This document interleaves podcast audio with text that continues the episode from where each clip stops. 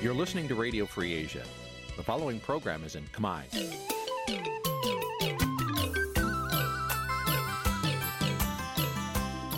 នេះជាកម្មវិធីផ្សាយ Vuthu Azizi Serai នេះជាកម្មវិធីផ្សាយរបស់ Vuthu Azizi Serai ជាភាសាខ្មែរ Vuthu Azizi Serai សូមស្វាគមន៍លោកអ្នកនាងទាំងអស់ពីរដ្ឋធានី Washington នៃសហរដ្ឋអាមេរិក។ ចាប់ពីរដ្ឋធានី Washington នាងខ្ញុំម៉ៅសុធានីសូមជម្រាបសួរលោកអ្នកស្ដាប់ទាំងអស់ជាទីមេត្រី ចាយើងខ្ញុំសូមជូនការផ្សាយសម្រាប់ព្រឹកថ្ងៃសៅរ៍12កើតខែទុតិយាសាទឆ្នាំថោះបញ្ញស័កពុទ្ធសករាជ2567ហើយដល់ត្រូវនៅថ្ងៃទី29ខែកក្កដាគ្រិស្តសករាជ2023 ជាកិច្ចចាប់ផ្ដើមនេះនាងខ្ញុំសូមអញ្ជើញលោកអ្នកនាងកញ្ញាស្ដាប់ព័ត៌មានប្រចាំថ្ងៃដែលមានមេត្តាដូចតទៅអ្នកវិភាគថាការបដិញ្ញារបស់លោកហ៊ុនម៉ាណែតការពារសន្តិភាពតាមបណ្ដាំឪពុក គឺជាការរក្សាអំណាចនិងទ្រព្យសម្បត្តិត្រកូលហ៊ុន រដ្ឋារដ្ឋាភិបាលកម្ពុជា កំពុងឈានទៅរកការដឹកនាំផ្ដាច់ការបន្តវងត្រកូល ដូចជានៅប្រទេសកូរ៉េខាងជើងវៀតណាមបើកទ្វារទឹកទំនប់វិរិយអគិសនីបណ្ដាលឲ្យជនលិចដំណាំបរតនៅក្នុងខេត្តរតនគិរីពលករខ្មែរចាញ់បោកមួយខ្យល់ធ្វើការនៅទូកនេសាទនៅម៉ាឡេស៊ីអំពាវនាវឲ្យស្ថានទូតជួយអន្តរាគមន៍ បញ្ជូនពួកគាត់ត្រឡប់មកកម្ពុជាវិញ រួមនឹងព័ត៌មាន សំខាន់សំខាន់មួយចំនួនទៀតចាត់ជាបន្តទៅទៀតនេះនាងខ្ញុំម៉ៅសុធានីសូមជូនព័ត៌មានទាំងនោះពឺស្ដាប់ចាលោកនាងជាទីមេត្រីសហភាពអឺរ៉ុបសម្ដែងការសោកស្ដាយដែលរដ្ឋាភិបាលលោកហ៊ុនសែន បានរៀបចំការបោះឆ្នោតមិនមានដំណាភាពសេរីនិងយុត្តិធម៌មន្ត្រីព័ត៌មានទទួលបន្ទុកកិច្ចការបរទេស និងគោលនយោបាយសន្តិសុខនៃគណៈកម្មការអឺរ៉ុបអ្នកស្រីប៉ាឡូម៉ាហលកាបែលរ៉ូប្រាប់បញ្ជាស៊ីស្រីតាមអ៊ីមែលឬសារអេឡិចត្រូនិកថាការបោះឆ្នោតកាលពីថ្ងៃទី23ខែកក្កដាកន្លងទៅនេះ គឺជាការបោះឆ្នោតក្នុងបរិយាកាសរដ្ឋបិទសិទ្ធិសេរីភាពជាមូលដ្ឋានរបស់ប្រជាពលរដ្ឋនិងសិទ្ធិនយោបាយដូចជាសិទ្ធិចូលឈ្មោះឲ្យគេបោះឆ្នោតនិងសេរីភាពបញ្ចេញមតិត្រូវបានរដ្ឋាភិបាលរារាំងនិងរំលោភយ៉ាងធ្ងន់ធ្ងរអ្នកស្រីបន្ថែមទៀតថាសហភាពអឺរ៉ុប បដិញ្ញាថានឹងបន្តការគ្រប់គ្រងដល់កិច្ចខំប្រឹងប្រែងដើម្បីបង្កើតបរិយាកាសនយោបាយប្រសើរឡើងវិញ និងអំណោយផលដល់អង្គការសង្គមស៊ីវិលបើកលំហប្រព័ន្ធប្រជាធិបតេយ្យសេរីភូប៉ាដើម្បីឲ្យប្រជាប្រដ្ឋកម្ពុជាទទួលបានសិទ្ធិសេរីភាពពេញលេញឡើងវិញ។ តាក់ទងនឹងការដកប្រព័ន្ធអនុគ្រោះពន្ធ EBA 20%ពីកម្ពុជា កាលពីខែសីហាឆ្នាំ2020វិញ គឺសហភាពអឺរ៉ុបបានធ្វើការវិតម្លៃនៅពេលនោះដោយផ្អែកលើការរំលោភសិទ្ធិមនុស្សធ្ងន់ធ្ងរនិងជាប្រព័ន្ធក្នុងពេលដែលរដ្ឋាភិបាលកម្ពុជាជាប់កាតព្វកិច្ចគ្រប់សិទ្ធិមនុស្សដោយដែលមានចែងនៅក្នុងកតិកាសញ្ញាអន្តរជាតិស្ដីពីសិទ្ធិបរដ្ឋនិងនយោបាយ។ គណៈកម្មការអឺរ៉ុបនឹងចេញរបាយការណ៍ស្ដីពីស្ថានភាពសិទ្ធិមនុស្សនៅកម្ពុជា នៅចន្លោះពីឆ្នាំ2020ដល់ឆ្នាំ2022នៅរយៈពេលដ៏ខ្លីខាងមុខអ្នកស្រីបន្ថែមថាមកដល់ពេលនេះសហភាពអឺរ៉ុបមិនទាន់មានការសម្រេចចិត្តដើម្បីយកទៅអនុវត្តលើវិធានការណាមួយ នៅក្នុងដំណាក់កាលនេះនៅឡើយ។ អ្នកត្រីបន្តថាប្រសិនបើរដ្ឋាភិបាលកម្ពុជា បង្ហាញពីការវិវត្តគួរឲ្យកត់សម្គាល់ជាពិសេសការបើកលំហសិទ្ធិបរដ្ឋនិងនយោបាយគណៈកម្មការអឺរ៉ុបអាចពិនិត្យសេចក្តីសម្រេចចិត្តរបស់ខ្លួនឡើងវិញ ឬក៏ផ្ដល់ប្រព័ន្ធ EBA ជូនកម្ពុជាឡើងវិញ។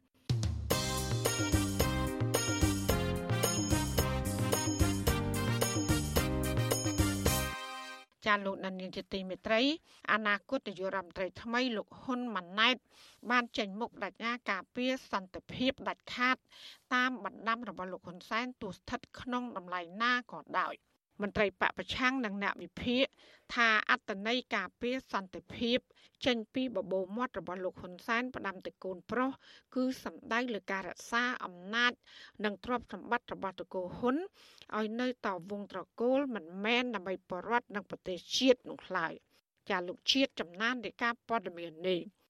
លោកហ៊ុនម៉ាណែតដែលត្រូវបានគេមើលឃើញថាជាអនាគតនាយករដ្ឋមន្ត្រីចាំស៊ីគេពីឪពុកនោះពេលនេះហាក់បង្ហាញពីគោលជំហរពេញចិត្ត ទៅនឹងការទទួលបានអំណាចពីឪពុករបស់លោកហើយបន្ទាប់ពីលោកប្រកាសដោយប្រាជ្ញាថានឹងការពៀគេមរតកសន្តិភាពរបស់ឪពុកលោកឲ្យបានដាច់ខាតបើទោះបីជាពាក្យសន្តិភាពនេះត្រូវបានឪពុករបស់លោកយកទៅប្រើប្រាស់សម្រាប់ឃោសនាគម្រាមកំហែងនិងចាប់ចងទៅលើសកម្មជននយោបាយនិងសិទ្ធិមនុស្សក្តីនៅក្នុងសម្ដីដែលបង្ហោះនៅលើទំព័រ Facebook កាលពីថ្ងៃទី27ខែកក្កដាអមជាមួយនឹងរូបភាពពីអ្នកឪពុកកូនក្នុងឯកសណ្ឋានយោធាឈរនៅលើរថយន្តមេបញ្ជាការដែលលោកហ៊ុនម៉ាណែតជិះតាមពីក្រោយឪពុកលោក ដោយរៀបរាប់ថានៅពេលដែលលោកក្លាយជានាយករដ្ឋមន្ត្រីរបស់កម្ពុជាលោកត្រូវតែការពារឲ្យខាន់តែបាននៅសន្តិភាពដែលលោកអះអាងថាដើម្បីធានាដល់ការអភិវឌ្ឍនិងភាពសុខសាន្តរបស់ប្រជាជនការបញ្ញារបស់លោកហ៊ុនម៉ាណែតនេះធ្វើឡើងនៅក្រៅការប្រកាសរបស់លោកហ៊ុនសែនមួយថ្ងៃអំពីគម្រោងផ្ទេរតំណែងនាយករដ្ឋមន្ត្រីឲ្យទៅកូនប្រុសបន្ទាប់ពីគណៈបកប្រជាជនកម្ពុជាឈ្នះក្នុងការបោះឆ្នោតคล้ายៗការបដិញ្ញាចិត្តនេះទំនងជាលោកចង់បង្ហាញពីការអរគុណដែលឪពុករបស់លោកយល់ព្រមប្រគល់តំណែងដ៏សំខាន់មួយនេះឲ្យទៅលោកគ្រប់គ្រងបន្ត ទោះជាយ៉ាងណាអ្នកនយោបាយចាស់វសានិងអ្នកវិភាគមើលឃើញថាការបដិញ្ញាចិត្តភ្ជាប់ជាមួយឃ្លាការពារសន្តិភាពរបស់អាណាគតនាយករដ្ឋមន្ត្រីរូបនេះជាការចម្លងរូបមន្តដឹកនាំបែបផ្ដាច់ការតាមឪពុករបស់លោកហើយប្រើឃ្លានេះបោកប្រាស់ផ្លូវចិត្តប្រជាពលរដ្ឋថាកម្ពុជាកំពុងមានសន្តិភាពហើយដាច់ខាតត្រូវតែការពារអតីតតំណាងរាជគណៈបកសង្គ្រោះជាតិខេត្តកំពង់ធំលោកម៉ែនសុថាវរិនប្រាប់វិសុវស៊ីស្រីនៅថ្ងៃទី28ខែកក្កដាថាលោករកមិនឃើញពីសន្តិភាពដែលលោកហ៊ុនសែនផ្ដាស់ផ្ដាំកូនលោកឲ្យការពារនោះឡើយ ព្រោះកម្ពុជាកំពុងស្ថិតក្រោមរបបផ្ដាច់ការរបស់បកពួកនិងក្រុមគ្រួសារតកូហ៊ុនដែលរដ្ឋបិទសេរីភាពបញ្ចេញមតិសម្រាប់ប្រជាធិបតេយ្យបង្កើតការបោះឆ្នោតក្លែងក្លាយគណៈប្រជាជនខ្មែរនៅតែមិនទាន់ស្គាល់សន្តិភាពផ្លូវចិត្តនិងសន្តិភាពផ្លូវសេដ្ឋកិច្ចនៅឡើយទេលោកបន្តថាប្រសិនបើលោកហ៊ុនម៉ាណែតចង់ការពារសន្តិភាពពិតប្រាកដនោះលោកត្រូវដើរចេញពីកន្លងផ្ដាច់ការរបស់ពួកលោកដែលបង្ហាញសមត្ថភាពដែលអាចដោះស្រាយបញ្ហាសង្គមដ៏រ៉ាំរ៉ៃវិបត្តិនយោបាយ បង្កើតនីតិរដ្ឋនិងគ្រប់គ្រងប្រទេសតាមគោលការណ៍លទ្ធិប្រជាធិបតេយ្យពិតប្រាកដ បើខ្ញុំជាហ៊ុនម៉ាណែតវិញជាយុវជនចំនួនថ្មីយើងកុំសូតាមឪកុំសូតាមរបបរបស់គាត់ទៅតែគាត់ហ៊ានបញ្ចេញថាគាត់ផ្ដាល់លទ្ធិប្រជាធិបតេយ្យសេរីភូកាពិតប្រាកដឲ្យប្រជាពលរដ្ឋមានន័យថាគាត់ផ្ដាល់សិទ្ធិសេរីភាពក្នុងការចូលរួមក្នុងឆាកនយោបាយគាត់ផ្ដាល់ឲ្យប្រជាពលរដ្ឋមានសិទ្ធិសេរីភាពស្មើគ្នាហើយសេរីភាពក្នុងការទទួលព័ត៌មានពិតនិងការបញ្ចេញមតិយោបល់ហើយគាត់បុគ្គលឲ្យប្រជាពលរដ្ឋមានសិទ្ធិសេរីភាពក្នុងការបោះឆ្នោតជ្រើសរើសមេដឹកនាំនិងឈរឈ្មោះឲ្យគេបោះឆ្នោតឲ្យទោះជាយ៉ាងណាលោកហ៊ុនសែន តែងតែប្រើពាក្យសន្តិភាពនេះជាសក្ខីកម្មចោតប្រកាន់ទៅលើក្រុមបកប្រឆាំងអ្នកបញ្ចេញមតិរិះគន់ការដឹកនាំរបស់លោកថាពួកគេជាក្រុមភេរវរៈកចង់បំផ្លាញសន្តិភាពបន្ទាប់មកលោកក៏បង្កើតឃ្លាការពារសន្តិភាពមួយបន្ថែមទៀតតាក់ទងនឹងរឿងនេះស្ថាបនិកអង្គការមេដាធម្មជាតិលោក Alejandro Gonzalez Davidson យល់ឃើញថាការការពារសន្តិភាពក្នុងវចនានុក្រមរបស់លោកហ៊ុនសែនគឺជាការការពារអំណាចវងត្រកូលដើម្បីការរកស៊ីខុសច្បាប់ទោះបីត្រូវសម្លាប់ប្រជាធិបតេយ្យបំផ្លាញជាតិ និងធ្វើបាបប្រជាជនខ្លួនឯងក៏ដោយលោកបន្តថាលោកអាណិតលោកហ៊ុនម៉ាណែតព្រោះមើលឃើញថាអនាគតនាយករដ្ឋមន្ត្រីរូបនេះពិបាកបង្ហាញសមត្ថភាពពិតប្រាកដរបស់ខ្លួនដោយសារតែឥទ្ធិពលនិងការគ្រប់គ្រងរបស់លោកហ៊ុនសែន ពិសេសអត្តពលនៃពាក្យអគុណសន្តិភាពតែរយៈពេលវែងជាងតិចចុះពេលហ៊ុនសែនអត់មានអត្តពលដោយសារអត់នៅឬក៏ដោយសារសតិគាត់បាត់បង់សតិអស់ហើយក៏ដោយដោយសារគាត់វង្វេងឧទាហរណ៍ណាខ្ញុំថាខ្ញុំមានសង្ឃឹមដោយថាហ៊ុនម៉ាណែតហ្នឹងគាត់នឹងមិនផ្ដាច់ការដោយឪពុកទេហើយគាត់អាចនឹងបន្ធូរបន្ថយស្ថានភាពទាក់ទងនឹងសិទ្ធិមនុស្សទាក់ទងនឹងសិទ្ធិសេរីភាពបញ្ចេញមតិទាក់ទងនឹងបកនយោបាយផ្សេងផ្សេងដើម្បីស្ដារស្ថានភាពសិទ្ធិមនុស្សប្រជាធិបតេយ្យដើម្បីអីដើម្បីទោះយ៉ាងណាឲ្យចំណេញដល់សេដ្ឋកិច្ច វិសុវអាស៊ីសេរីមិនអាចតាក់ទងលោកហ៊ុនម៉ាណែតនិងអ្នកនាំពាក្យគណៈបកប្រជាជនកម្ពុជាលោកសុកអេសានដើម្បីសុំការបកស្រាយបន្ថែមបានទេនៅថ្ងៃទី28ខែកក្កដាជួយរឿងនេះប្រធានសមាគមការពារសិទ្ធិមនុស្សអាត់ហុកលោកនីសុខាសាទរចំពោះការបដិញ្ញារបស់អនាគតនាយករដ្ឋមន្ត្រីថ្មីក្នុងការរក្សាសន្តិភាពដែលលោកហ៊ុនម៉ាណែតអះអាងថាដើម្បីធានាដល់ការអភិវឌ្ឍនិងភាពសុខសាន្តរបស់ប្រជាជនទន្ទឹមគ្នានេះលោកបញ្ជាក់ថាសន្តិភាពមិនមែនសំដៅទៅលើការគ្មានសង្គ្រាមតែម្យ៉ាងប៉ុណ្ណោះទេប៉ុន្តែសន្តិភាពពេញលេញ គឺផ្ដើមចេញពីការការពារសិទ្ធិមនុស្សយុត្តិធម៌សង្គមគ្មានអំពើហិង្សានិងសមភាពក្នុងសង្គមនិងមិនរើសអើងជាដើម។ អ្វីដែលជាការបដិញ្ញាចិត្តគឺថាវាមិនទាន់មានលក្ខណៈគ្រប់គ្រាន់ទេយើងនឹងធ្វើយ៉ាងណាត្រូវតែអនុវត្តឲ្យបានឃើញជាផ្លែផ្កាអានេះគឺប្រជាពលរដ្ឋជឿបានប៉ុន្តែការបដិញ្ញាចិត្តគ្រាន់តែថាជាទ្រឹស្ដីណាយើងមិនទាន់បានឃើញដែរទេពីព្រោះថាដោយសារតែលោកមិនទាន់បានចូលកាន់តំណែងជានាយករដ្ឋមន្ត្រីហើយយើងរងចាំមើលថាតើនៅពេលដែលលោកនាយករដ្ឋមន្ត្រីថ្មីលោកឡើងកាន់ជានាយករដ្ឋមន្ត្រីតើលោកនឹងមានការដោះស្រាយបញ្ហាអីដែលជាចម្បងមុនគេការផ្ទេរតំណែងនាយករដ្ឋមន្ត្រីឲ្យទៅលោកហ៊ុនម៉ាណែតនឹងប្រព្រឹត្តទៅនៅថ្ងៃទី22ខែសីហាគណៈលោកហ៊ុនសែននឹងងាកទៅកាន់តំណែងកម្ពុជាសំខាន់សំខាន់ក្បែរព្រះមហាក្សត្រនិងអង្គនីតិបញ្ញត្តិមន្ត្រីគណៈបកប្រឆាំងនិងអ្នកវិភាគមិនរំពឹងថាលោកហ៊ុនម៉ាណែតនឹងដឹកនាំប្រទេសឲ្យមានសន្តិភាពនិងប្រជាធិបតេយ្យពិតប្រាកដដែលខុសពីឪពុកលោកនោះទេព្រោះលោកហ៊ុនសែននៅតែកាន់អំណាចជាក្បាលម៉ាស៊ីនដឹកនាំបកនិងស្ថាប័នកម្ពុជាគណៈមជ្ឈដ្ឋានជាតិនិងអន្តរជាតិ យល់ថាកូនប្រុសស្នងតំណែងវងត្រកូលរូបនេះនឹងទទួលមនោគមវិជ្ជាកុម្មុយនីសផ្ដាច់ការពីឪពុករបស់លោកខ្ញុំបាទជាចំណាន Visual Assisray ពីរដ្ឋធានី Washington ចាលោកនាយកទីមេត្រីតកតងនឹងការដឹកនាំរបស់រដ្ឋាភិបាលថ្មី ដែលជាកូនប្រុសរបស់លោកហ៊ុនសែននេះប្រជាប្រដ្ឋនិងអ្នកខ្លាំមើលលើកឡើង ថាការផ្ទៃអំណាចនាយករដ្ឋមន្ត្រីហ៊ុនសែនទៅឲ្យកូនហើយងាកទៅកាន់កាប់តំណែងកម្ពូលកម្ពូលក្នុងស្ថាប័ននីតិបញ្ញត្តិ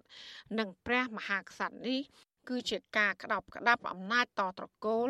មិនមែនឆ្លុះបញ្ចាំងពីឆន្ទៈប្រជាពលរដ្ឋនិងឈានទៅរករបបផ្ដាច់ការដូចជានៅប្រទេសកូរ៉េខាងជើងចាលោកសេកបណ្ឌិតមានសេចក្តីរកាប់ពុស្ដាជំវិញព័ត៌មាននេះដូចតទៅពលរដ្ឋខកចិត្តចំពោះប្រធានគណៈបកប្រជាជនកម្ពុជាលោកហ៊ុនសែនដែលកំពុងប្រែក្លាយកម្ពុជាឲ្យក្លាយទៅជាប្រទេសផ្ដាច់ការស្ថិតក្រោមការត្រួតត្រារបស់គ្រួសារខ្លួនតវងត្រកូល តាមរយៈការផ្ទេរតំណែងនាយករដ្ឋមន្ត្រីឲ្យលោកហ៊ុនម៉ាណែត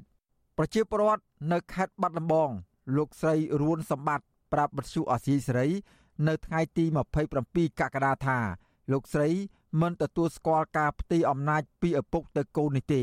ព្រោះវាជាការបោកប្រាស់ប្រជាពលរដ្ឋដែលបោះឆ្នោតឲ្យគណៈបកប្រជាជនកម្ពុជា លោកស្រីបន្តថា ប្រសិនបើអ្នកបន្តវេនបកកាន់អំណាចមានសមត្ថភាព និងអះអាងថាការបោះឆ្នោតប្រព្រឹត្តទៅដោយត្រឹមត្រូវស្របតាមគោលការណ៍លទ្ធិប្រជាធិបតេយ្យមែននោះលោកហ៊ុនម៉ាណែតគួរតែឈរឈ្មោះជាបេក្ខជននាយករដ្ឋមន្ត្រីដោយផ្ទាល់ដោយមិនចាំបាច់នៅពីក្រោយខ្នងចាំស៊ីកេឪពុកនោះទេ ខ្ញុំមិនសូវស្គាល់គាត់ដែរដែលទៅតាមដាន Facebook គាត់ផងបើតាមថាចំណងចំណូលចិត្តខ្ញុំខ្ញុំដូចអត់សូវទទួលស្គាល់ដែរដល់ពេលពីលពុកមកកូនអញ្ចឹងអ្នកដតីទៅដែលមានសិទ្ធមានអីចង់ធ្វើតំណែងអីអញ្ចឹងមានតែក្រុមគ្រួសារគាត់ស្រដៀងគ្នានេះដែរប្រជាពលរដ្ឋនៅរាជធានីភ្នំពេញលោកស្រីវ៉ាន់បុផាយល់ឃើញថាលោកហ៊ុនម៉ាណែតមិនមែនជានាយករដ្ឋមន្ត្រីស្របច្បាប់នោះទេ ព្រោះតំណែងរបស់លោកបានមកពីឪពុកជាអ្នកលើកបន្ទប់ដោយសារលោកពុំបានឈោឈ្មោះជាបេក្ខជននាយករដ្ឋមន្ត្រីដោយផ្ទាល់នោះទេយើងដឹងស្រាប់ហើយថានាយករដ្ឋមន្ត្រីសពថ្ងៃគឺគាត់ផ្ដាច់ការតាតកោគាត់ហើយមិនតតំណែងនេះតតកោដូចគេរេអញ្ចឹងក្នុងការបោះឆ្នោតថ្នាក់ជាតិនៅអាណត្តិទី7នេះលោកហ៊ុនម៉ាណែតគឺជាបេក្ខជនតំណាងរាស្ត្រ ឈរឈ្មោះលេខរៀងទី1នៅមណ្ឌលរាជធានីភ្នំពេញខណៈលោកហ៊ុនសែនជាឪពុកឈរឈ្មោះនៅមណ្ឌលខេត្តកណ្ដាលទោះយ៉ាងណាលោកហ៊ុនសែននៅតែជាបេក្ខជននាយករដ្ឋមន្ត្រីរបស់គណៈបកប្រជាជនកម្ពុជានៅឡើយទោះជាការផ្ទេរតំណែងក្រោយការបោះឆ្នោតបែបនេះធ្វើឡើងស្របតាមរដ្ឋធម្មនុញ្ញត្រង់មាត្រា119ថ្មីដែលលោកហ៊ុនសែន ជាអ្នកបញ្ជាឲ្យធ្វើវិសោធនកម្មកាលពីខែកក្កដាឆ្នាំ2022ក្តីក៏មានអ្នករិះគន់ជុំវិញរឿងនេះជាច្រើនអាជីវករលក់ដូរនៅក្នុងរាជធានីភ្នំពេញលោកស្រីហុងអាន បារម្ភពីការផ្ទេរអំណាចរបស់លោកនាយករដ្ឋមន្ត្រីហ៊ុនសែនទៅឲ្យកូន ដែលអាចបង្កើតឲ្យមានរបបសន្តិវង្សឬការផ្ទេរអំណាចតពូជដោយប្រទេសកូរ៉េខាងជើងដែរលោកស្រីបន្តថាការផ្ទេរអំណាចតពូជបែបនេះ នឹងធ្វើឲ្យកម្ពុជាក្លាយទៅជាកម្មសិទ្ធិផ្ដាច់មុខរបស់ក្រមគ្រួសារតកូលហ៊ុនដែលមានកូនធ្វើជានាយករដ្ឋមន្ត្រីចំណែកឪពុកគ្រប់គ្រងលើស្ថាប័នព្រះមហាក្សត្រហើយរបបគ្រប់គ្រងបែបនេះនឹងធ្វើឲ្យមានអំពើពុករលួយ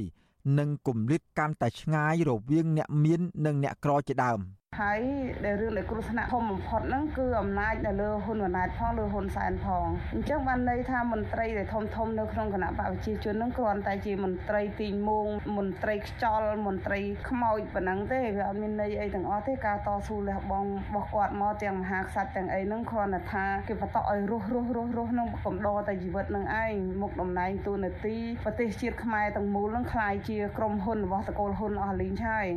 រីឯពលរដ្ឋនៅខេត្តបៃលិន លោកហុលសៅមើលឃើញថា ការផ្ទេរអំណាចជាលក្ខណៈឈុតធំ របស់ក្រមគ្រួសារមន្ត្រីធំធំក្នុងជួរគណៈបកប្រជាជនកម្ពុជានេះគឺជាដំណើរការវិវត្តថយក្រោយនៃលទ្ធិប្រជាធិបតេយ្យនិងឆ្ពោះទៅរករបបផ្ដាច់ការគ្រួសារនិយម លោកយល់ឃើញថាការផ្ទេរអំណាចរបស់លោកហ៊ុនសែនទៅឲ្យកូនប្រុសនេះមិនមែនជាការលះបង់ដើម្បីប្រទេសជាតិដោយការអះអាងរបស់លោកហ៊ុនសែននោះទេ ប៉ុន្តែជាការលះបង់ដើម្បីគ្រួសារខណៈដែលលោកហ៊ុនសែនខ្លួនឯងផ្ទាល់មិនបានចូលនិវត្តន៍នៅឡើយ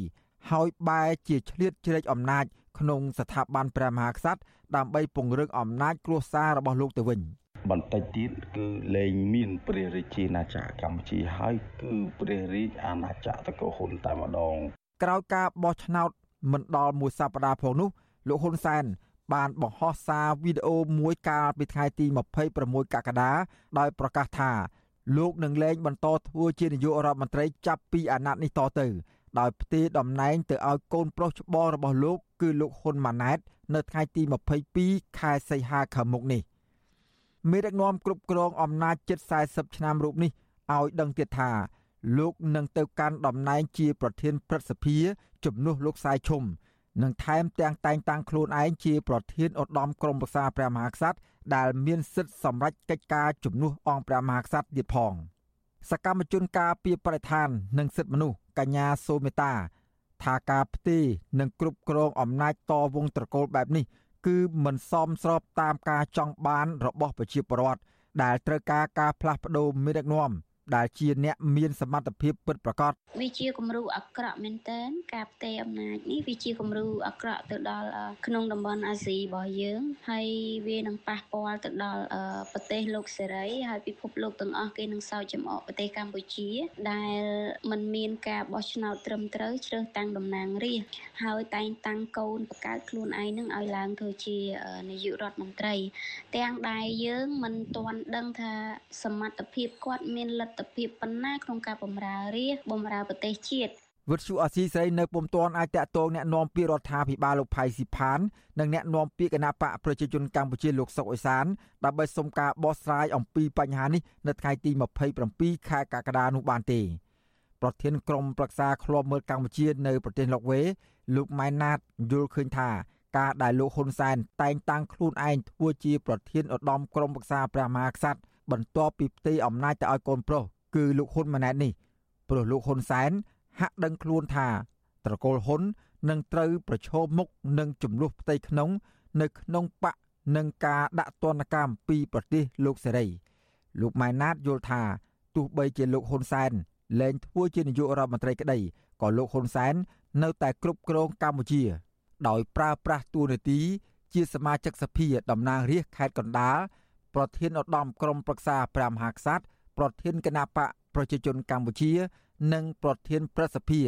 ដែលដណ្ដើមពីលោកសាយឈុំ។ សំបីតែតំណែងគាត់ដែលបានឪពុកគាត់ប្រកាសឲ្យហ្នឹងឪពុកគាត់មិនហ៊ានឲ្យហ៊ុនម៉ាណែតហ្នឹងឈួរឈ្មោះជាបេក្ខភាពនាយករដ្ឋមន្ត្រីដោយផ្ទាល់ផងដោយសារវាមានបញ្ហាផ្ទៃក្នុងផ្ទៃក្នុងរបស់គាត់ហ្នឹងវាមិនឯកភាពគ្នាអញ្ចឹងបានលោកហ៊ុនសែនឈួរខ្លួនឯងហើយមានអានោះទី1ហើយទី2បើឲ្យហ៊ុនម៉ាណែតឈួរបើមិនមានបញ្ហាផ្ទៃក្នុងក៏ហ៊ុនម៉ាណែតវាអត់មានសមត្ថភាពនយោបាយដែរវាអាចធ្វើឲ្យមានការបែកបាក់ប្រេះឆាចិត្តគំនិតនៅក្នុងជួរអ្នកគ្រប់គ្រងគណៈបព្វជិជនជាពិសេសមន្ត្រីជាន់ខ្ពស់ទន្ទឹមនឹងការលះបង់តំណែងនាយករដ្ឋមន្ត្រីទៅឲ្យកូន លោកហ៊ុនសែនមិនបានដើរចេញតែម្នាក់ឯងនោះទេពលគឺលោកបានប្រកាសឲ្យអ្នកនយោបាយចាស់វសារបស់គណៈបកប្រជាជនកម្ពុជា ដែលមានតួនាទីនៅតាមក្រសួងសំខាន់សំខាន់ដូចជា ប្រធានរដ្ឋសភា លោកហេងសំរិនរដ្ឋមន្ត្រីក្រសួងមហាផ្ទៃលោកសខេងរដ្ឋមន្ត្រីក្រសួងការពារជាតិលោកទៀបបាញ់និងឧបនាយករដ្ឋមន្ត្រី រដ្ឋមន្ត្រីក្រសួងទំនាក់ទំនងរដ្ឋសភានិងព្រឹទ្ធសភានិងអធិការកិច្ចអ្នកស្រីម៉ែនសំអនជាដើមក៏ត្រូវបង្ខំឲ្យលះបង់តំណែងរបស់ពួកគេដែរមកទល់នឹងពេលនេះមន្ត្រីធំធំទាំងនោះនៅមិនទាន់មានប្រតិកម្មណាមួយចំពោះការសម្រេចរបស់លោកហ៊ុនសែននោះទេពលរដ្ឋលើកឡើងថាការសម្រេចចិត្តផ្ទេរអំណាចរបស់លោកហ៊ុនសែនទៅឲ្យកូននិងផ្លាស់ប្ដូរតួនាទីមន្ត្រីធំធំក្នុងជួរបកបែបនេះគឺជាការប្រកួតប្រជែងដណ្ដើមអំណាចគ្នា របស់មន្ត្រីគណៈបកកណ្ដាលអំណាចដោយមិនបានគិតពីផលប្រយោជន៍ជាតិនិងប្រជាពលរដ្ឋនោះឡើយខ្ញុំបាទសេកបណ្ឌិត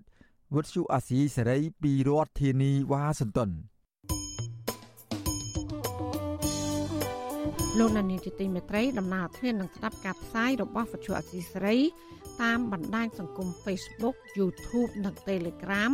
លោកអ្នកនាងក៏អាចស្ដាប់ការផ្សាយរបស់យើងតាមរលក ធាតុអាកាសខ្លីឬ short wave តាមកម្រិតនិងកម្ពស់ដូចតទៅចាប់ពីព្រឹកចាប់ពីម៉ោង5កន្លះដល់ម៉ោង6កន្លះតាមរយៈប៉ុស SW 12.14 MHz ស្មើនឹងកម្ពស់ 25m និងប៉ុស SW 13.71 MHz ស្មើនឹងកម្ពស់ 22m ការសម្រាប់ពេលយប់វិញគឺចាប់ពីម៉ោង7កន្លះដល់ម៉ោង8កន្លះគឺតាមរយៈប៉ុស SW 9.33 MHz ស្មើនឹងកម្ពស់ 32m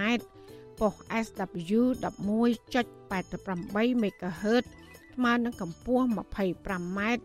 និងប៉ុស SW 12.15 MHz ស្មើនឹងកម្ពស់ 25m ចាសសូមអរគុណ ចាលោកដានៀងកញ្ញាកំពុងស្ដាប់ការផ្សាយរបស់វិទ្យុអសីស្រីផ្សាយចេញពីរដ្ឋធានី Washington នៅឯខេត្តកោះកុងកណ្ដោវិញក្រុមគូសាររងគ្រោះពីការរំលោភបំពានដីធ្លី ដែលតឡាការខេត្តកោះកុងកំពុងឃុំខ្លួននៅពន្ធនាគារបន្តស្នើឲ្យអាជ្ញាធរដោះលែងសាច់ញាតិរបស់ពួកគេឲ្យមានត្រីភាពឡើងវិញ មន្ត្រីសង្គមស៊ីវិលលើកឡើងថាការឃុំខ្លួនតំណាងសកម្មជនដីធ្លីទាំង9នាក់នោះគឺជាការរំលោភសិទ្ធិមនុស្សធ្ងន់ធ្ងរនិងទាមទារឲ្យអាជ្ញាធរដោះលែងពួកគេឲ្យមានត្រីភាពឡើងវិញចាសសេចក្តីរាយការណ៍ពុស្ដាជំវិញរឿងនេះលោកណានៀងក៏នឹងបានស្ដាប់នាពេលបន្តិចទៀតនេះ ចាលោកដានៀងជាទីមេត្រីទឹកទន្លេសេសាននិងទន្លេស្រែពក បានហក់ឡើងយ៉ាងលឿនចាប់ពីថ្ងៃទី26ខែកក្កដាបណ្ដាលឲ្យជនលិចនៅតំបន់ទំនាបមួយចំនួននៅក្នុងស្រុកចំនួន6នៅខេត្តរតនគិរី ដែលបង្កឲ្យខូចខាតស្រូវកសិកម្មរបស់ប្រជាពលរដ្ឋដែលជិតប្រមូលផលអស់ជាច្រើនហិកតា សង្គមស៊ីវិលអះអាងថាគ្រោះមហន្តរាយនេះគឺដោយសារតែភាគីវៀតណាមបើកបង្ហូរទ្វារទឹកទំនប់វារីអគ្គិសនីចំនួន2នៅផ្នែកខាងលើទន្លេសេសាននិងទន្លេស្រែពកលោកយ៉ងច័ន្ទរារាយការណ៍ព័ត៌មាននេះស្ថានភាពទឹកទន្លេសេសាននិងទន្លេស្រែពកឡើងចុះមិនទៀងទាត់រយៈពេលជាង4ខែកន្លងទៅនេះធ្វើឲ្យជនជាតិដើមភាគតិចជាច្រើនគ្រួសាររស់នៅក្នុងស្រុកចំនួន6នៅតាមបណ្ដោយដងទន្លេទាំងនេះ ជួបការលំបាកខ្លាំងផ្នែកជីវភាពខូចខាតផលដំណាំទិន្នផលត្រីធ្លាក់ចុះនិងការប្រែប្រួលអាកាសធាតុជាដើមប្រជាពលរដ្ឋរស់នៅស្រុកអូយ៉ាដាវខេត្តរតនគិរីលោករ៉ាវុធប្រាប់វិទ្យុអាស៊ីសេរីថាទឹកទន្លេហក់ឡើងខុសប្រក្រតីបូកផ្សំនឹងទឹកភ្លៀងផងបណ្ដាលឲ្យជន់លិចស្រូវនិងដំឡូងមីរបស់ប្រជាពលរដ្ឋដែលចិត្តប្រមូលផលនៅតំបន់ទំនាបទលេមានន័យថាទលេទាំងអស់គ្នាហើយគេធ្វើ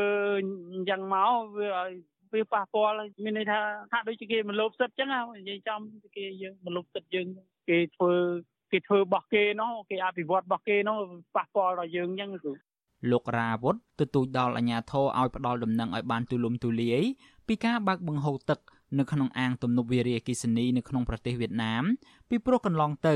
អ្នកភូមិខាតបងទ្រព្យសម្បត្តិផលដំណាំ និងសត្វចិញ្ចឹមដោយសារទឹកជំនន់ឡើងលឿនពេកត្រៀមខ្លួនមិនទាន់ កាលពីចុងខែមេសាដល់ដើមខែឧសភាឆ្នាំ2023កន្លងទៅនេះទឹកទន្លេសេសានបានរីងគោករាក់ស្ទើរតែទាំងស្រុងរយៈពេលជាង10ថ្ងៃធ្វើឲ្យត្រីមេពូជធំធំមិនអាចផ្លាស់ទីទៅកាន់អន្លង់អភិរក្សបានទាន់ពេលវេលា ហើយកកស្ទះនៅក្នុងអន្លង់តូចតូចបាតទន្លេប្រឈមទៅនឹងការបាត់បង់យ៉ាងគំហុករីឯប្រជាពលរដ្ឋជាច្រើនភូមិបានដណ្ដើមគ្នាចាប់ត្រី និងនេសាទត្រីនៅតាមជង្ហុកបាតទន្លេដោយអន្លើដោយរកត្រីបានជាច្រើនតោន ជនជាដើមភាគតិចទំពួនរស់នៅស្រុកតាវែងលោកស្រីលូនកាវ៉ែតប្រាប់វិទ្យុអាស៊ីសេរីថាមកទល់ពេលនេះមិនទាន់ឃើញអាជ្ញាធរចោះសួរសុកទុកនិងសួរនាំប្រជាពលរដ្ឋនៅឡើយទេ ហើយទឹកចំនួនក៏មិនទាន់ស្រកនៅឡើយដែរទឹកទន្លេសេសាន និងទន្លេស្រែពកហូរឆ្លងកាត់ស្រុកចំនួន6នៅក្នុងខេត្តរតនគិរី គឺស្រុកវឿនសៃស្រុកតាវែងស្រុកអណ្ដូងមាសស្រុកកូនមុំ ស្រុកលំផាត់និងស្រុកអូយ៉ាដាវ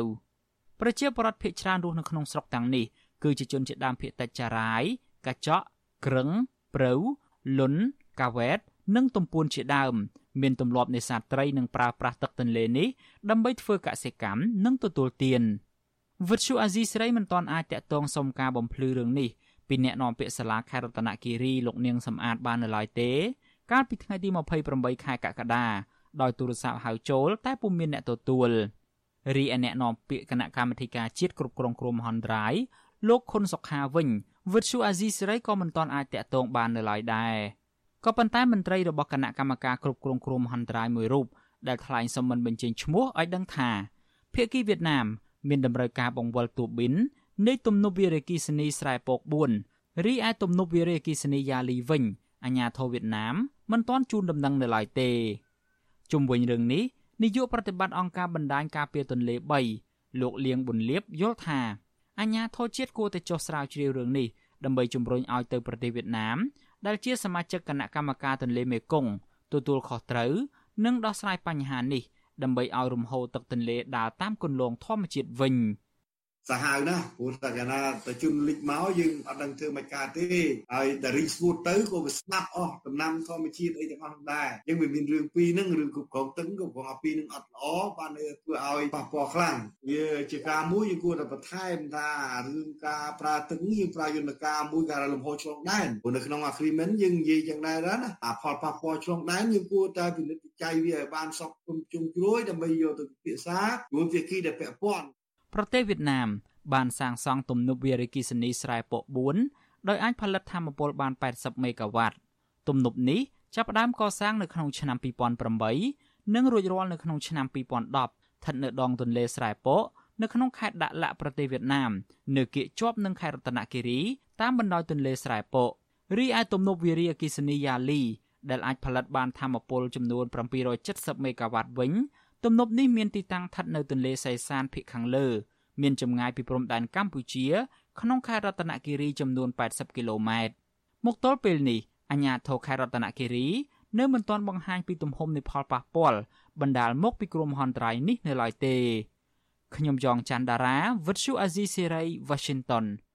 ចាលោកនាយកជាទីមេត្រីពីប្រទេសវៀតណាមនេះដែរអាញាធរវៀតណាមបន្តរកឃើញ ការរត់ពន្ធមាសសុទ្ធខុសច្បាប់រាប់សិបគីឡូ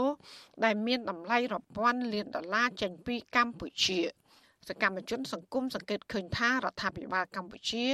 នៅមិនទាន់មានវិធានការច្បាស់លាស់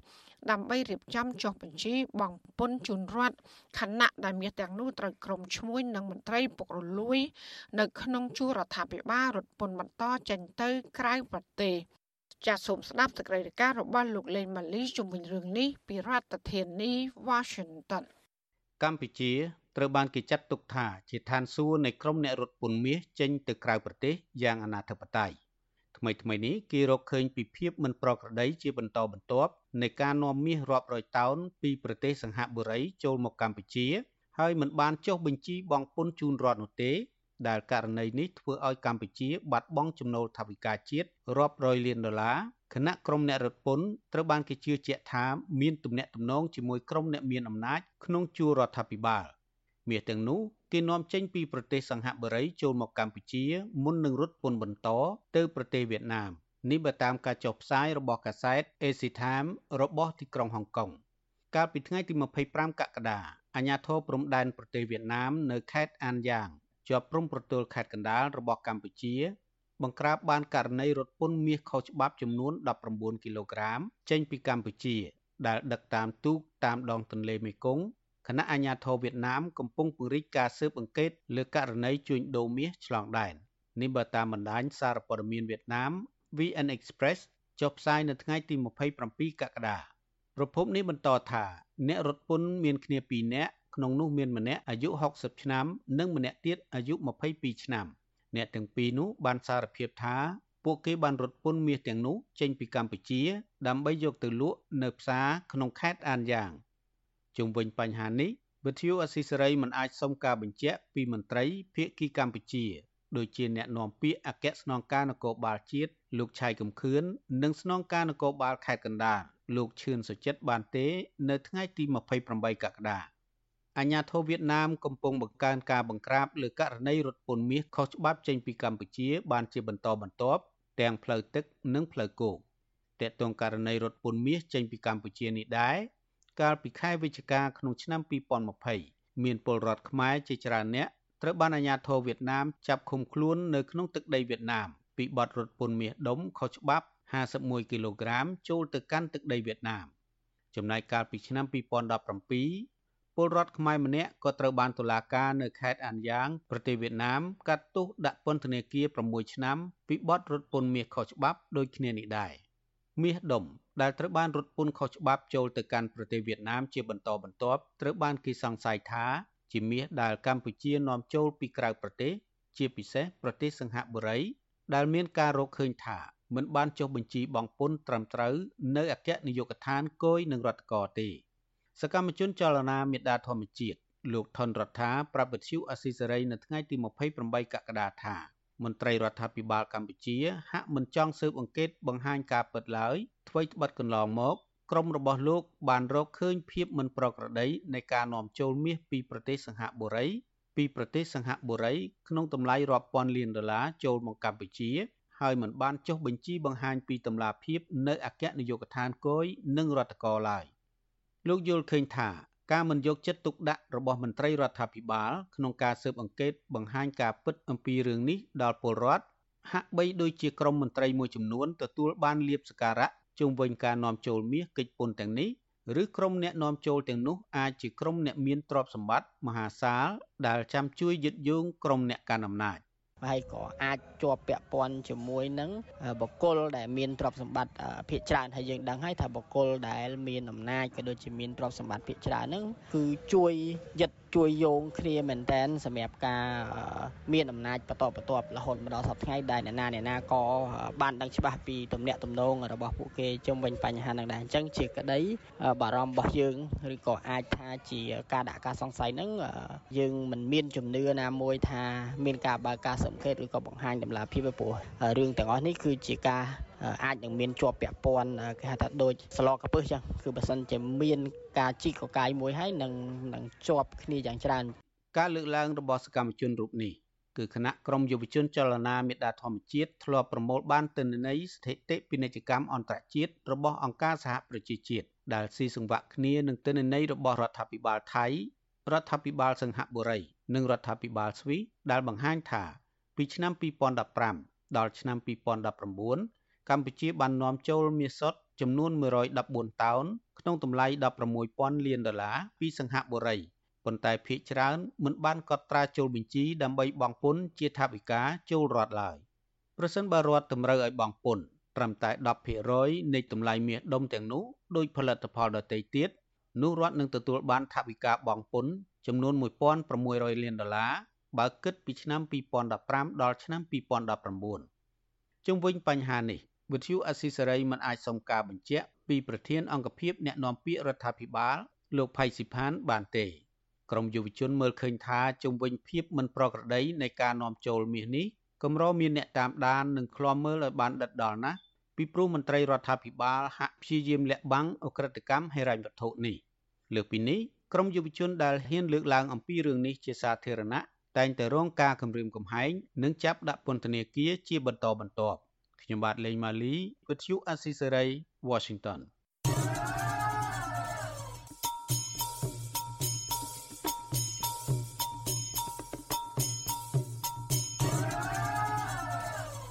ចាលោកនាងកញ្ញាជាទីមេត្រីដែលឡាយតាក់ទងនឹងការជួញដូរស្រីរៀងរបស់មនុស្សវិញក្រសួងមហាផ្ទៃនៅមិនទាន់ទទួលបានលិខិតផ្លូវការណាមួយពីសមត្ថកិច្ចនៃប្រទេសឥណ្ឌូនេស៊ីដើម្បីកិច្ចសហប្រតិបត្តិការរួមគ្នាចំពោះករណីសមត្ថកិច្ចឥណ្ឌូនេស៊ីបានរកឃើញការជួញដូរស្រីរៀងមនុស្សចំនួន122នាក់នៅកម្ពុជាមន្ត្រីសង្គមស៊ីវិលយល់ឃើញថាអាញាធរកម្ពុជា គួរតែបើកការត្រាវជ្រាវយ៉ាងយកចិត្តទុកដាក់ចំពោះករណីជួញដូរស្រីរៀងរបស់មនុស្សនេះចាលោកទីនតាក្រយាមានសេចក្តីរកាប់ពិស្ដារជំវិញព័ត៌មាននេះការឆ្លើយតបរបស់ក្រសួងមហាផ្ទៃកាលពីថ្ងៃទី28កក្កដាគឺនៅបន្ទាប់ពីសារព័ត៌មាន Reuters បានចុះផ្សាយកាលពីថ្ងៃទី20កក្កដាថាសមត្ថកិច្ចឥណ្ឌូនេស៊ីខកខ្លួនមនុស្សចំនួន12នាក់ក្នុងនោះមានមន្ត្រីនគរបាលម្នាក់និងមន្ត្រីអន្តរប្រវេសម្នាក់ ដែលត្រូវបានចាប់ប្រកាន់ពីបទជួញដូរមនុស្សចំនួន122នាក់សារព័ត៌មាន Reuters ឲ្យដឹងទៀតថាជនសង្ស័យទាំងនោះត្រូវបានចាប់ប្រកាន់ពីបទរំលោភបំពានច្បាប់ជួញដូរមនុស្សដែលប្រឈមនឹងការជាប់ពន្ធនាគាររហូតដល់15ឆ្នាំនិងពិនិត្យជាប្រាក់ជាង40000ដុល្លារបើសិនជាតុលាការផ្តន្ទាទោសប្រធានផ្នែកស៊ើបអង្កេតអក្រិតកម្មនៃនគរបាលទីក្រុងចាកាតា លោកហេងគីហារីយ៉ាទីថ្លែងថាជនសង្ស័យត្រូវបានតុលាការចាប់ប្រកាន់ពីបទជ្រើសរើសមនុស្សនៅទូទាំងប្រទេសឥណ្ឌូនេស៊ី តាមរយៈប្រព័ន្ធផ្សព្វផ្សាយសង្គមហើយបញ្ជូនពួកគេទៅកាន់ប្រទេសកម្ពុជា ដើម្បីវះកាត់ក្រលៀនលោកហេងគីឲ្យដឹងថាជនរងគ្រោះត្រូវសន្យាថានឹងទទួលប្រាក់ប្រមាណជា9000ដុល្លារសម្រាប់វះយកក្រលៀនមកខាង ហើយពួកគេយល់ព្រមលក់សរីរាង្គរបស់ពួកគេដោយសារពួកគេត្រូវការប្រាក់លោកហេងគីថាស្ទើរតែទាំងអស់នៃជនរងគ្រោះទាំងនោះបានបាត់បង់ការងារក្នុងអំឡុងពេលរាតត្បាតជំងឺ Covid-19 ឆ្លើយតបនឹងបញ្ហានេះ អ្នកនាំពាក្យក្រសួងមហាផ្ទៃលោកខៀវសុភ័ក្រមានប្រសាសន៍ប្រាប់វិទ្យុអាស៊ីសេរីកាលពីថ្ងៃទី28កក្កដាថាមកទល់ពេលនេះក្រសួងមហាផ្ទៃនៅពុំទាន់ទទួលបានលិខិតជាផ្លូវការណាមួយ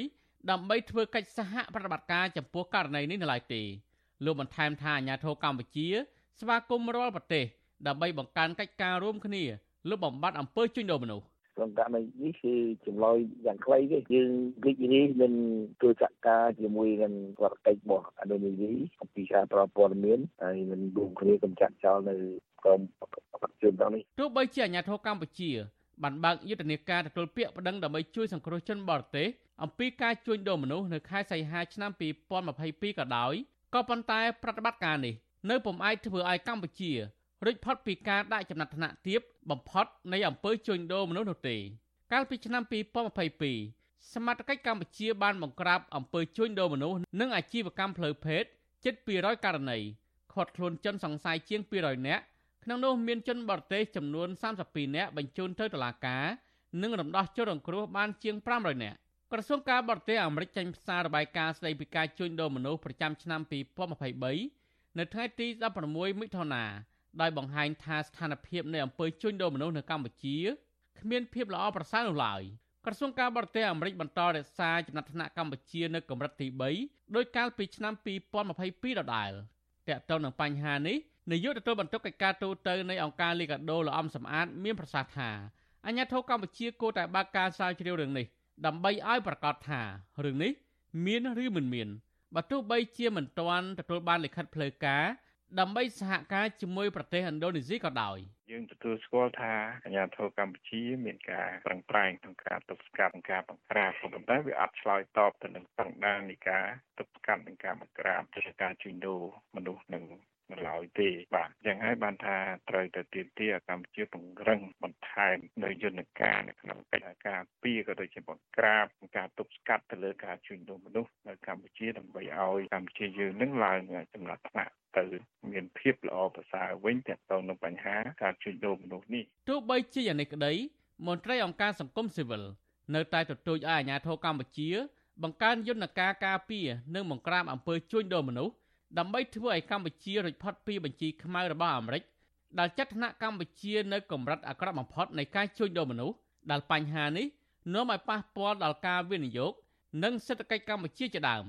ខ្ញុំធីនសាការីយ៉ាអាស៊ីសេរីពីរដ្ឋធានី Washington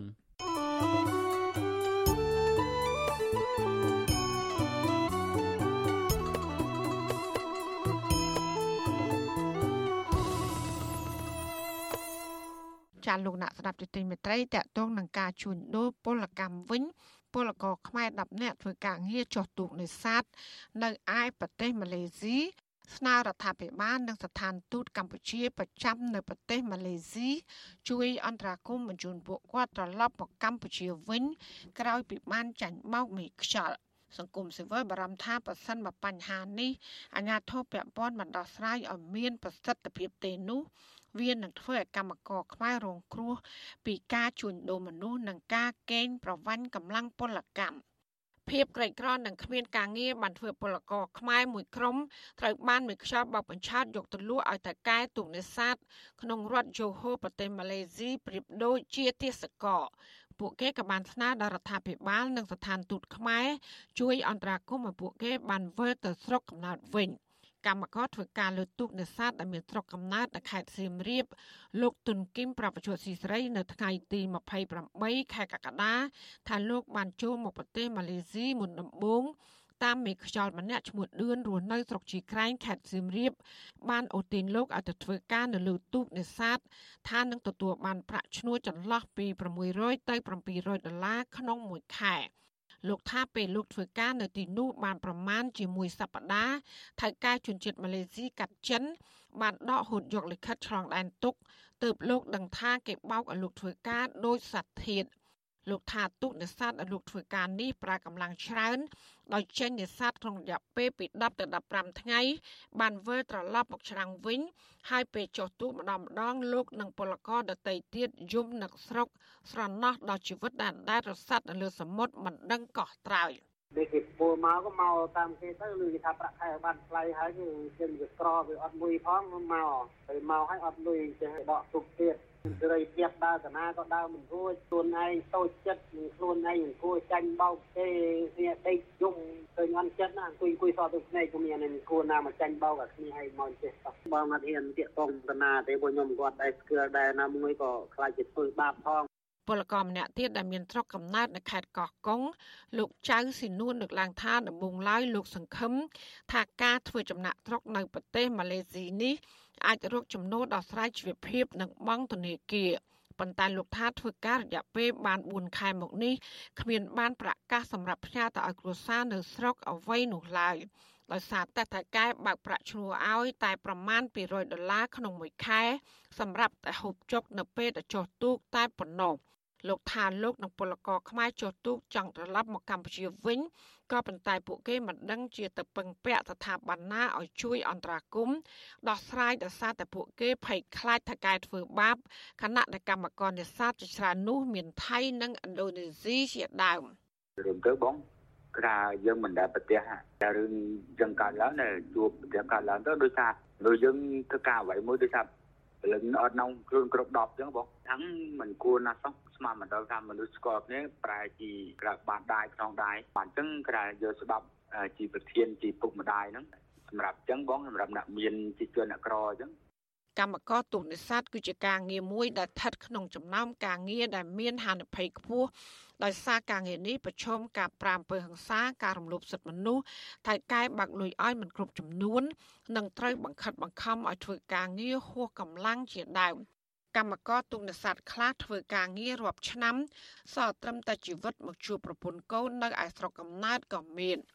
ឆ្លើយតបរឿងនេះមន្ត្រីអនុពន្ធការងារអមស្ថានទូតកម្ពុជាប្រចាំប្រទេសម៉ាឡេស៊ីប្រាប់បច្ចុប្បន្នស៊ីស្រីដែលខ្លីថាស្ថានទូត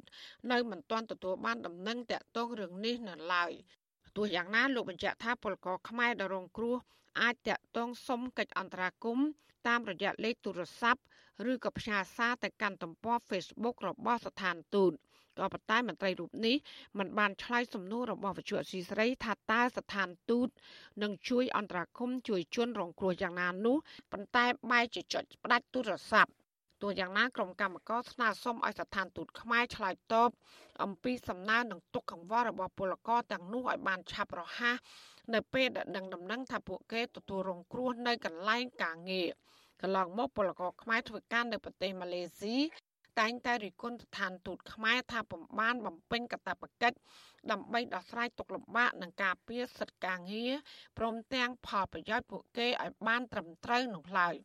ជុំវិញរឿងនេះមន្ត្រីសង្គមស៊ីវិលជំរុញដល់រដ្ឋាភិបាលឲ្យជួយអន្តរាគមន៍ពលករខ្មែរទាំងនោះឲ្យបានឆាប់រហ័សដើម្បីអាចវិលត្រឡប់មកកម្ពុជាវិញ។ ប្រធានផ្នែកប្រយុទ្ធប្រឆាំងការជួញដូរមនុស្សនិងទេសន្តប្រវេសនៃអង្គការសង្ត្រាលោកឌីថេអូយ៉ាមើលឃើញ ថាប្រជាប្រដ្ឋខ្មែរដែលធ្វើចំណាក់ស្រុកទៅធ្វើការនៅលើទូកនេសាទធ្វើការនៅតាមផ្ទះនិងសំណង់ជាដើមនោះពួកគាត់នៅតែចាញ់បោកមេខ្យល់និងប្រឈមការជួញដូរកម្លាំងពលកម្មខណៈយន្តការអន្តរាគមន៍ដោះស្រាយរបស់រដ្ឋាភិបាល ហាក់ពុំមានប្រសិទ្ធភាព លោកបន្តថាមូលហេតុដែលនាំឲ្យពលរដ្ឋធ្វើចំណាក់ស្រុកហើយចាញ់បោកមេខ្យល់នេះគឺភាគច្រើនដោយសារពួកគេរស់នៅតាមទីជនបទមិនយល់ដឹងអំពីហានិភ័យនៃការធ្វើចំណាក់ស្រុកដោយខុសច្បាប់លោកយល់ឃើញថាដើម្បីទប់ស្កាត់ការជួញដូរមនុស្សនិងការជួញដូរកម្លាំងពលកម្មឆ្លងដែនខុសច្បាប់រដ្ឋាភិបាលត្រូវផ្សព្វផ្សាយចំណេះដឹងដល់ប្រជាពលរដ្ឋខ្មែរឲ្យបានធំទូលាយជាងនេះពលរដ្ឋខ្មែរនៅតែរងគ្រោះ ទ្វេដងមានន័យថាគាត់រងគ្រោះអំពីសង្គមមួយមិនបានយកចិត្តទុកដាក់គាត់មានការងារធ្វើគាត់ត្រូវបង្ខំចិត្តទៅស្រុកគេរងគ្រោះទី2គឺគាត់នៅតែពេលដែលចំណាក់សុខប្រសពពេលហើយគាត់ប្រឈមពីការជួញដូរដែលធ្វើឲ្យគាត់រងគ្រោះបែបហ្នឹងហើយការធ្វើការបែបហ្នឹងគឺជាការងារមួយដែលអាទិសកលក្នុងសម័យទំនើបណាគាត់មិនអាចមានសិទ្ធិសេរីភាពការដើរហើរក្នុងការ គ្រប់គ្រងនៅឯកសារស្របច្បាប់របស់ខ្លួនហើយគាត់មិនអាចនឹងទទួលបានសេវាជួយការពាររបស់គាត់លោកឌីថេហូយ៉ាបារម្ភថាប្រសិនបើបញ្ហាទាំងនេះរដ្ឋាភិបាលនិងស្ថានទូតបណ្ដោះស្រាយឲ្យមានប្រសិទ្ធភាពនោះទេនឹងធ្វើឲ្យកម្មករខ្មែររងគ្រោះពីការជួញដូរការកេងប្រវ័ញ្ចកម្លាំងពលកម្មនិងការគំរាមកំហែងផ្លូវច្បាប់ជាដើមរបាយការណ៍របស់អង្គការសង្ត្រាបង្ហាញថា គិតត្រឹមឆ្នាំ2020ពលករខ្មែរស្របច្បាប់ និងពលករខុសច្បាប់មានចំនួនប្រមាណ100000នាក់ដែលកំពុងធ្វើការនៅក្នុងប្រទេសម៉ាឡេស៊ី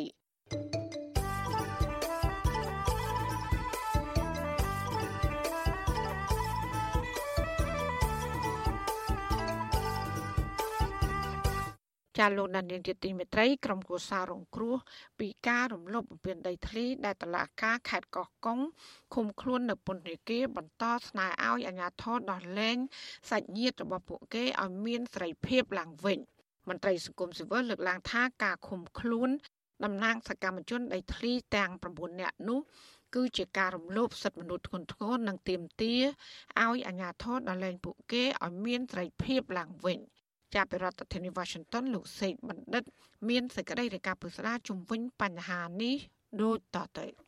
ក្រមគ្រួសារសកម្មជនដីធ្លីដែលត្រូវបានអាជ្ញាធរខេត្តកោះកុងឃុំខ្លួននៅពន្ធនាគារខេត្តនេះលើកឡើងថា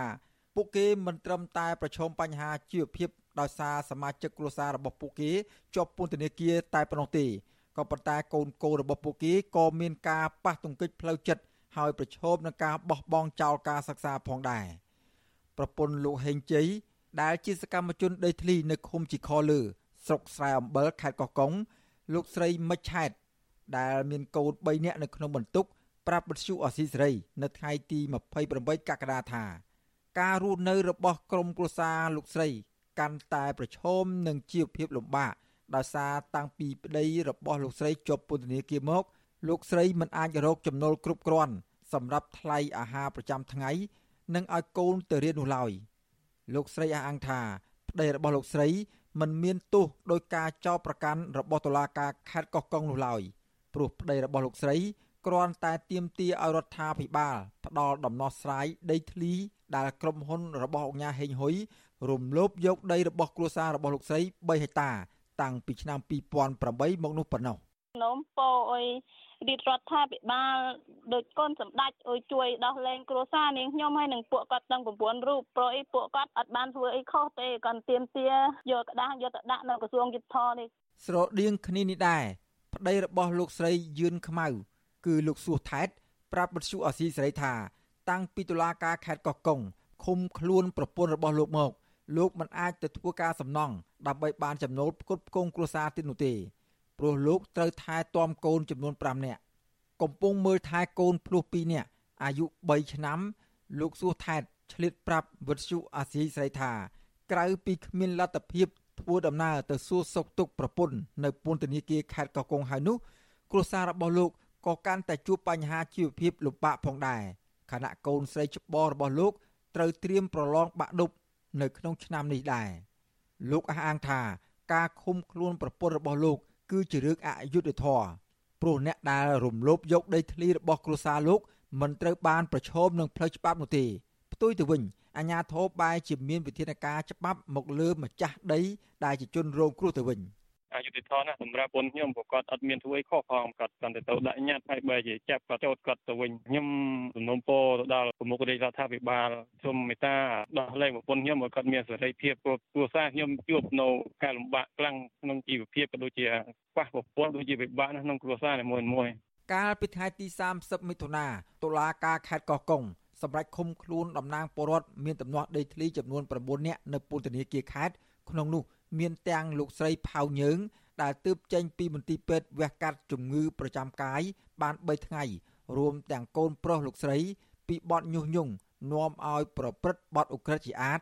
ដែលអាចប្រឈមជាប់ពន្ធនាគារពី6ខែទៅ2ឆ្នាំ និងពិន័យជាប្រាក់ពី1លានរៀលទៅ4លានរៀលការចោទប្រកាន់នេះបន្ទាប់ពីក្រមប្រជាពលរដ្ឋទាំង9នាក់រួមទាំងសមាជិកមួយចំនួនទៀតបាននាំគ្នាជិះរថយន្ត យកញត្តិទៅដាក់នៅក្រសួងយុទ្ធភ័ពនៅរាជធានីភ្នំពេញប៉ុន្តែត្រូវបានក្រមសមត្ថកិច្ចរារាំងនិងឃាត់ខ្លួននៅតាមផ្លូវកាលពីថ្ងៃទី29មិថុនាហើយបានបញ្ជូនពួកគាត់ទៅតុលាការពួកគាត់ព្យាយាមយកញត្តិទៅដាក់នៅក្រសួងយុទ្ធភ័ពដើម្បីទាមទារឲ្យតុលាការទម្លាក់ការចោទប្រកាន់លើសមាជិកពួកគាត់ចំនួន30នាក់ដែលរងការចោទប្រកាន់ ពាក់ព័ន្ធនឹងការចេញតវ៉ាស្វែងរកដំណោះស្រាយរឿងដីធ្លីជាមួយអង្គការហេងហ៊ុយវិទ្យុអស៊ីសេរីនៅពុំទាន់អាចតាក់ទងអភិបាលខេត្តកោះកុងអ្នកស្រីមិថុនាភូថង និងអ្នកនាំពាក្យសាលាដំបងខេត្តកោះកុងលោកស៊ូវណ្ណារាដើម្បីបកស្រាយជុំវិញរឿងនេះបាននៅឡើយទេ នៅថ្ងៃទី28ខែកក្កដាដោយទូរស័ព្ទចូលប៉ុន្តែមិនមានអ្នកទទួលជុំវិញរឿងនេះ នាយកទទួលបន្ទុកកិច្ចការទូតនៃអង្គការឃ្លាំមើលសិទ្ធិមនុស្សលីកាដូលោកអំសំអាតលើកឡើងថាការឃុំខ្លួនតំណាងសកម្មជនតវ៉ាបញ្ហាដីធ្លីនៅខេត្តកោះកុងទាំង9នាក់នោះគឺជាការបន្ថែមភាពអយុត្តិធម៌ថ្មីមួយទៀតទៅលើជនរងគ្រោះដែលបានបាត់បង់ដីធ្លីលោកបន្ថែមថាការបន្តឃុំខ្លួនសកម្មជនដីធ្លីទាំងនេះក៏ផ្ទុយពីច្បាប់កម្ពុជារបស់ជាតិដែរព្រោះមាត្រា35នៃរដ្ឋធម្មនុញ្ញរបស់កម្ពុជាចែងថា ប្រជាពលរដ្ឋខ្មែរទាំងពីរភេទមានសិទ្ធិចូលរួមយ៉ាងសកម្មក្នុងជីវភាពនយោបាយសេដ្ឋកិច្ចសង្គមគិច្ចនិងវប្បធម៌របស់ប្រទេសជាតិហើយសេចក្តីស្នើទាំងឡាយណារបស់ប្រជាពលរដ្ឋត្រូវបានទទួលការពិនិត្យនិងដោះស្រាយយ៉ាងហ្មត់ចត់ពីអង្គការរដ្ឋគាត់រងគ្រោះរឿងដីធ្លីមួយគាត់ជាប់បណ្ដឹងនៅតុលាការពីរឥឡូវគាត់ប្រែคลายទៅជារឿងជាប់ពន្ធនាគារបន្ថែមទៀតអញ្ចឹងបន្ទុកសម្រាប់គ្រួសារគាត់ហ្នឹងវាកាន់តែ ធ្ងន់ទៅធ្ងន់ទៅរហូតទៅដល់កូនដែលត្រូវទៅរៀនទៅអីជាបន្តទៅទៀតអញ្ចឹងខ្ញុំយល់ថាចំណុចនេះតឡាការគួរតែពិចារណា នៅក្នុងការដោះលែងពួកគាត់ឲ្យនៅក្រៅឃុំចំនួនដីធ្លីរវាងសហគមន៍ដីធ្លីនៅក្នុងស្រុកខ្សែអំបិលជាមួយនឹងក្រុមហ៊ុនអង្គការហេងហ៊ុយបានកើតឡើងតាំងពីឆ្នាំ2008មកម្លេះទោះយ៉ាងណាបញ្ហានេះមិនត្រូវបានអាជ្ញាធរជួយដោះស្រាយនោះឡើយ។ ប៉ុន្តែតំណាងសកម្មជនដីធ្លីបែរជារោគបណ្ដឹងពីតុលាការខេត្តកោះកុងជាបន្តបន្ទាប់ទៅវិញមន្ត្រីអង្គការសង្គមស៊ីវិលលើកឡើងថារដ្ឋាភិបាលថ្មីគួរតែដោះស្រាយចំនួនដីធ្លីឲ្យមានប្រសិទ្ធភាព ជាពិសេសចំនួនដីធ្លីរវាងប្រជាសហគមន៍ជាមួយក្រុមអង្គការដោយត្រូវដោះលែងនិងទម្លាក់ចោលរាល់បទចោលប្រកាន់ទៅលើសកម្មជនដីធ្លីដើម្បីបញ្ឈប់ការបង្កើតភាពអយុត្តិធម៌ទៅលើប្រជាពលរដ្ឋ ដែលកំពុងរងភាពអយុត្តិធម៌ស្រាប់ពីការបាត់បង់ដីធ្លីរបស់ពួកគេទៅហើយនោះខ្ញុំបាទសេកបណ្ឌិតវិទ្យុអាស៊ីសេរីពីរដ្ឋធានីវ៉ាស៊ីនតោន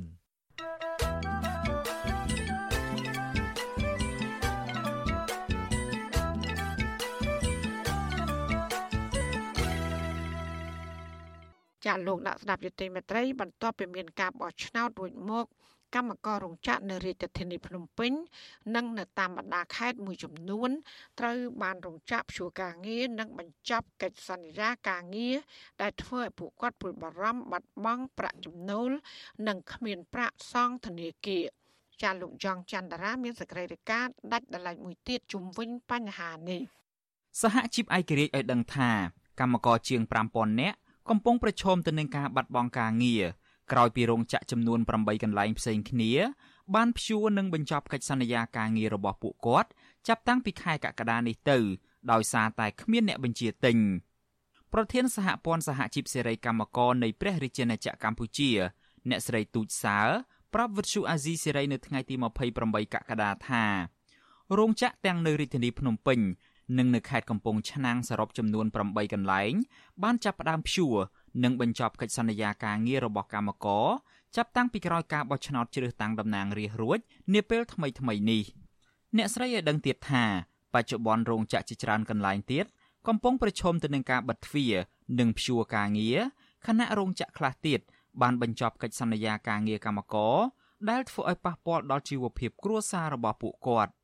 ជួការងារគាត់ផ្ដាច់កិច្ចសន្យាការងារហើយគាត់នឹងស្វែងរកការងារក៏ពិបាករកធ្វើឥឡូវហ្នឹងគឺយើងឃើញជាក់ស្ដែងជាទូទៅកម្មករដើរធ្វើតេស្ត ភាគច្រើនគឺអត់បានអត់មានហ្មងវាមានអធិតែឲ្យវាអត់រឹសព្រោះចាក់រឹសនៅដល់មានទេកម្មកព្រោះចាក់វាអត់រឹសកម្មកអញ្ចឹងអូនដូចថាឧទាហរណ៍រោងចក្ររើសតែត្រឹម2នាក់ឬ3នាក់អញ្ចឹងកម្មកមកប្រហែលជិត100នាក់អីប៉ុណ្ណោះកន្លែងហ្នឹងហើយដែលយើងព្រួយបារម្ភយើងទៅយើងខ្លាចទៅទៀតទៅយើងខ្លាចភ័យខ្លាចនឹងបាត់បង់ការងារកម្មកររកការងារធ្វើអត់បានទេអ្នកស្រីទូចសាស្នើទៅរដ្ឋាភិបាលអាណត្តិថ្មី ឲ្យជួយអន្តរាគមន៍ដោះស្រាយបញ្ហាជូនកម្មករបើមិនដូច្នេះទេពួកគាត់នឹងគ្មានប្រាក់សម្រាប់ដោះស្រាយជីវភាពគ្រួសារនិងដោះស្រាយបំណុលធនាគារនិងបញ្ហាផ្សេងផ្សេងទៀតនោះឡើយតំណាងសហជីពសេរីកម្មករប្រចាំខេត្តកំពង់ឆ្នាំងនិងជាកម្មករធ្វើការនៅរោងចក្រ Ken Sport លោកកានសុកវីលើកឡើងថា នៅក្នុងខែកក្កដានេះ រោងចក្រចំនួនជាង10កន្លែងហើយនៅក្នុងខេត្តកំពង់ឆ្នាំងបានព្យួរនិងខ្លះទៀតប្រឈមនឹងការព្យួរបញ្ចប់កិច្ចសន្យាការងារកម្មករ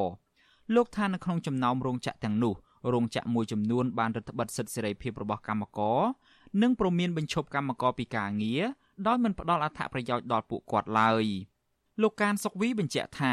គិតពីខែកក្កដារហូតទៅដល់ខែសីហាខាងមុខនេះ រោងចក្រ Ken Sport Zoo ដែលលោកកំពុងធ្វើការនឹងព្យួរការងារកម្មករជាង200នាក់ទៀតដោយសារតែគ្មានអ្នកបញ្ជាទិញក្រុមហ៊ុននានានៅចំពោះនៅខេត្តកំពង់ឆ្នាំងខ្ញុំគឺមានហានិភ័យទាំងទាំងអស់រោងចក្រខេត្តកំពង់ឆ្នាំងខ្ញុំបាទគាត់តែមុនហើយក្រោយបងគាត់តែមុនហើយនឹងក្រោយទេបើវាប៉ះពាល់ទាំងអស់បើមិនជាយើងនៅដឹកនាំអញ្ចឹងណា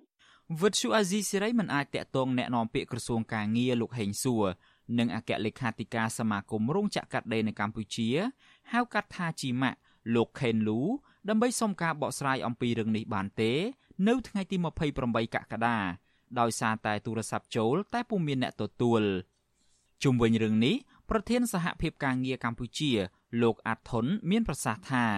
ការដែលរោងចក្របិទទ្វារនិងព្យួរការងារហើយខ្លះទៀតបញ្ចប់កិច្ចសន្យាការងារជាបន្តបន្ទាប់នេះអាចបណ្ដាលមកពីការដកប្រព័ន្ធអនុគ្រោះពន្ធ EBA ពីសំណាក់សហភាពអឺរ៉ុប និងការមិនបន្តប្រព័ន្ធអនុគ្រោះពន្ធ GSP ពីសំណាក់សហរដ្ឋអាមេរិកដោយសារតែរដ្ឋាភិបាលកម្ពុជាមិនអនុវត្តទៅតាមកិច្ចសន្យាជាមួយនឹងប្រទេសលោកសេរីលោកអាត់ធុនក៏សម្គាល់ថាក្រុមហ៊ុនខ្លះបានយកលេសមួយចំនួនកិច្ចវេះមិនទទួលខុសត្រូវហើយក៏មិនទូទាត់ប្រាក់អត្ថប្រយោជន៍ផ្សេងផ្សេងជូនកម្មករនោះដែរខណៈរោងចក្រខ្លះទៀតប្រកាសបិទទ្វារក៏ប៉ុន្តែលួចទៅបើករោងចក្រថ្មីទាំងមិនទាន់បានដោះស្រាយផ្ដល់អត្ថប្រយោជន៍ជូនកម្មករ ការ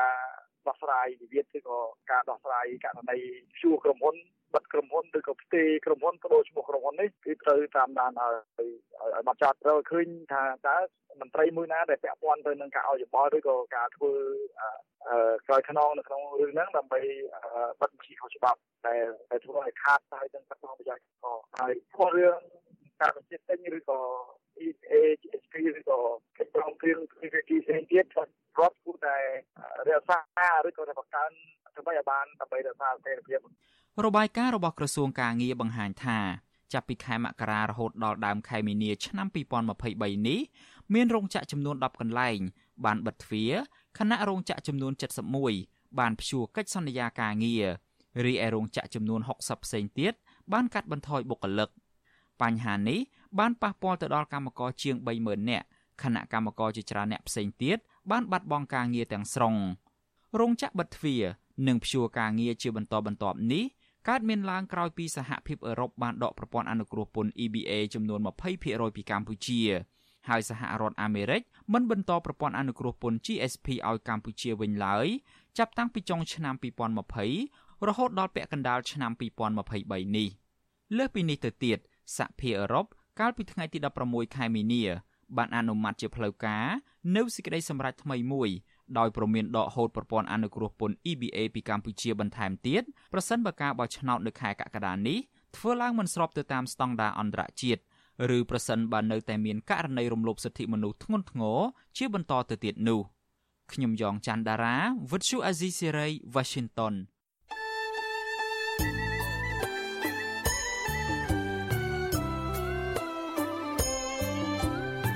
ចាលោកនាងកញ្ញាអ្នកស្ដាប់យុតិមេត្រីកັບផ្សាយរយៈពេល1ម៉ោងនៃវិទ្យុអាស៊ីស្រីជាភាសាខ្មែរនៅពេលនេះចាប់តែប៉ុណ្ណេះចាយើងខ្ញុំទាំងអស់គ្នាសូមជូនពរលោកលានាងព្រមទាំងក្រុមគូសាទាំងអស់សូមជួបប្រកបតែនឹងសេចក្តីសុខសេចក្តីចម្រើន ជានិរន្តរ៍ចានាងខ្ញុំម៉ៃសុធានីព្រមទាំងក្រុមការងារទាំងអស់នៃវិទ្យុអសីស្រីសូមអរគុណនិងសូមជម្រាបលា